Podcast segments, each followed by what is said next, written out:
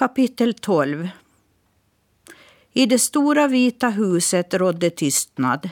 Det var bara tickandet av några klockor som hördes plus susandet från klimatanläggningen. Smirke hade kunnat komma in genom ett fönster som stod på glänt och nu letade han efter flickans rum. Det fanns många rum i huset och från entrén ledde en bred trappa upp till andra våningen. Smirke funderade på om flickans rum låg där uppe men kom fram till att det nog inte var så troligt eftersom hon använde rullstol och det inte fanns någon lift eller hiss. Därför fortsatte han att leta på nedre våningen. Från köket hördes ett svagt mummel och slamret av porslin. Han tittade in. Där stod en kvinna med förkläde och diskade och en man i chaufförsuniform satt vid bordet och drack kaffe. Smirke satte på sina hörlurar så att han skulle kunna förstå vad de pratade om. Vilken fest det var igår, sa mannen. Så många vackra dräkter har jag inte sett på länge. Ja, nästan som karnevalen i Rio, skrattade kvinnan. Så roligt att de ordnar sådana fester så Esmeralda får se hur det kan vara på en karneval. Hon har ju sagt i flera år nu att hon vill vara med på karnevalen i Rio. Ja, det är ju inte riktigt samma sak förstås. Även om det var både musik och fantasifulla kläder här. Men jag förstår herrskapet. De vill inte att hon blir skadad på den riktiga festivalen. Mannen drack det sista ur koppen och reste sig. Nu måste jag åka och hämta henne från konstskolan. Kvinnan fortsatte diska medan hon nynnade på en melodi och smådansade framför diskbänken. Smirke fortsatte att utforska huset.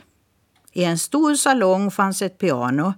På en byrå stod några fotografier uppställda. På flera av fotografierna såg man en familj. En pappa, en mamma och en liten flicka med långt svart lockigt hår. Nu kom pappan in i rummet. Han satte sig i en av fåtöljerna och tog en tidning och började läsa. Strax efteråt kom även mamman in. Hon gick fram till pianot och strök med handen över den blanka ytan. Vad fint det var med musiken igår, sa hon. Precis som på en riktig karneval. Tror du att Esmeralda är nöjd nu och slutar fråga om hon får åka till Rio på karnevalen? Ja, vi får hoppas det, svarade pappan. Det är ju omöjligt för henne att vara där. Hon skulle bli nedtrampad direkt. Nu kommer bilen, hör jag. Jag går och möter henne. Mamman gick ut ur rummet och Smirke följde efter. Ute på trappan såg han att chauffören lyfte ut en rullstol ur bilen och sen öppnade bakre bildörren och hjälpte en flicka att komma i rullstolen. Hon tittade upp mot mamman och ropade hej. Chauffören sköt rullstolen över altanen och in i huset. Väl där inne började flickan själv att manövrera stolen. Hon svängde runt så hastigt att den nästan föll omkull. Var försiktig, Esmeralda. Du kan skada dig. Mamman tog tag i stolshandtaget och körde den protesterande flickan mot salen. Jag kan själv, mamma, sa hon. Pappan la ifrån sig tidningen och kom fram till dottern och kramade henne. Hur var det på konstskolan idag då? Frågade han medan han hällde upp ett glas med brunaktig dryck åt sig. Ganska tråkigt, sa Esmeralda.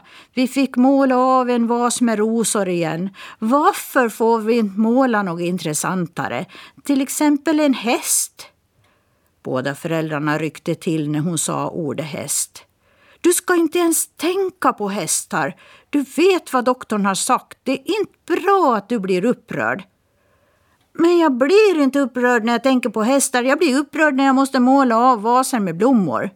Jag vill leka med de andra barnen här ute i stan och jag vill fortsätta rida på min fina häst Kredit. Pappan skakade på huvudet. Han och mamman bytte blickar och suckade. Esmeralda vände rullstolen och rullade ut ur rummet. Smirke följde efter henne. Flickan rullade in i ett stort fint rum. Hon stannade framför skrivbordet och drog ut en låda. I lådan fanns en ask som hon öppnade.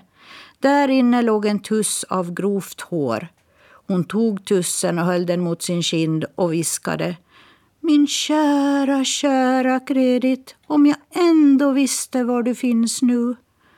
Några tårar rann sakta ner för hennes kinder.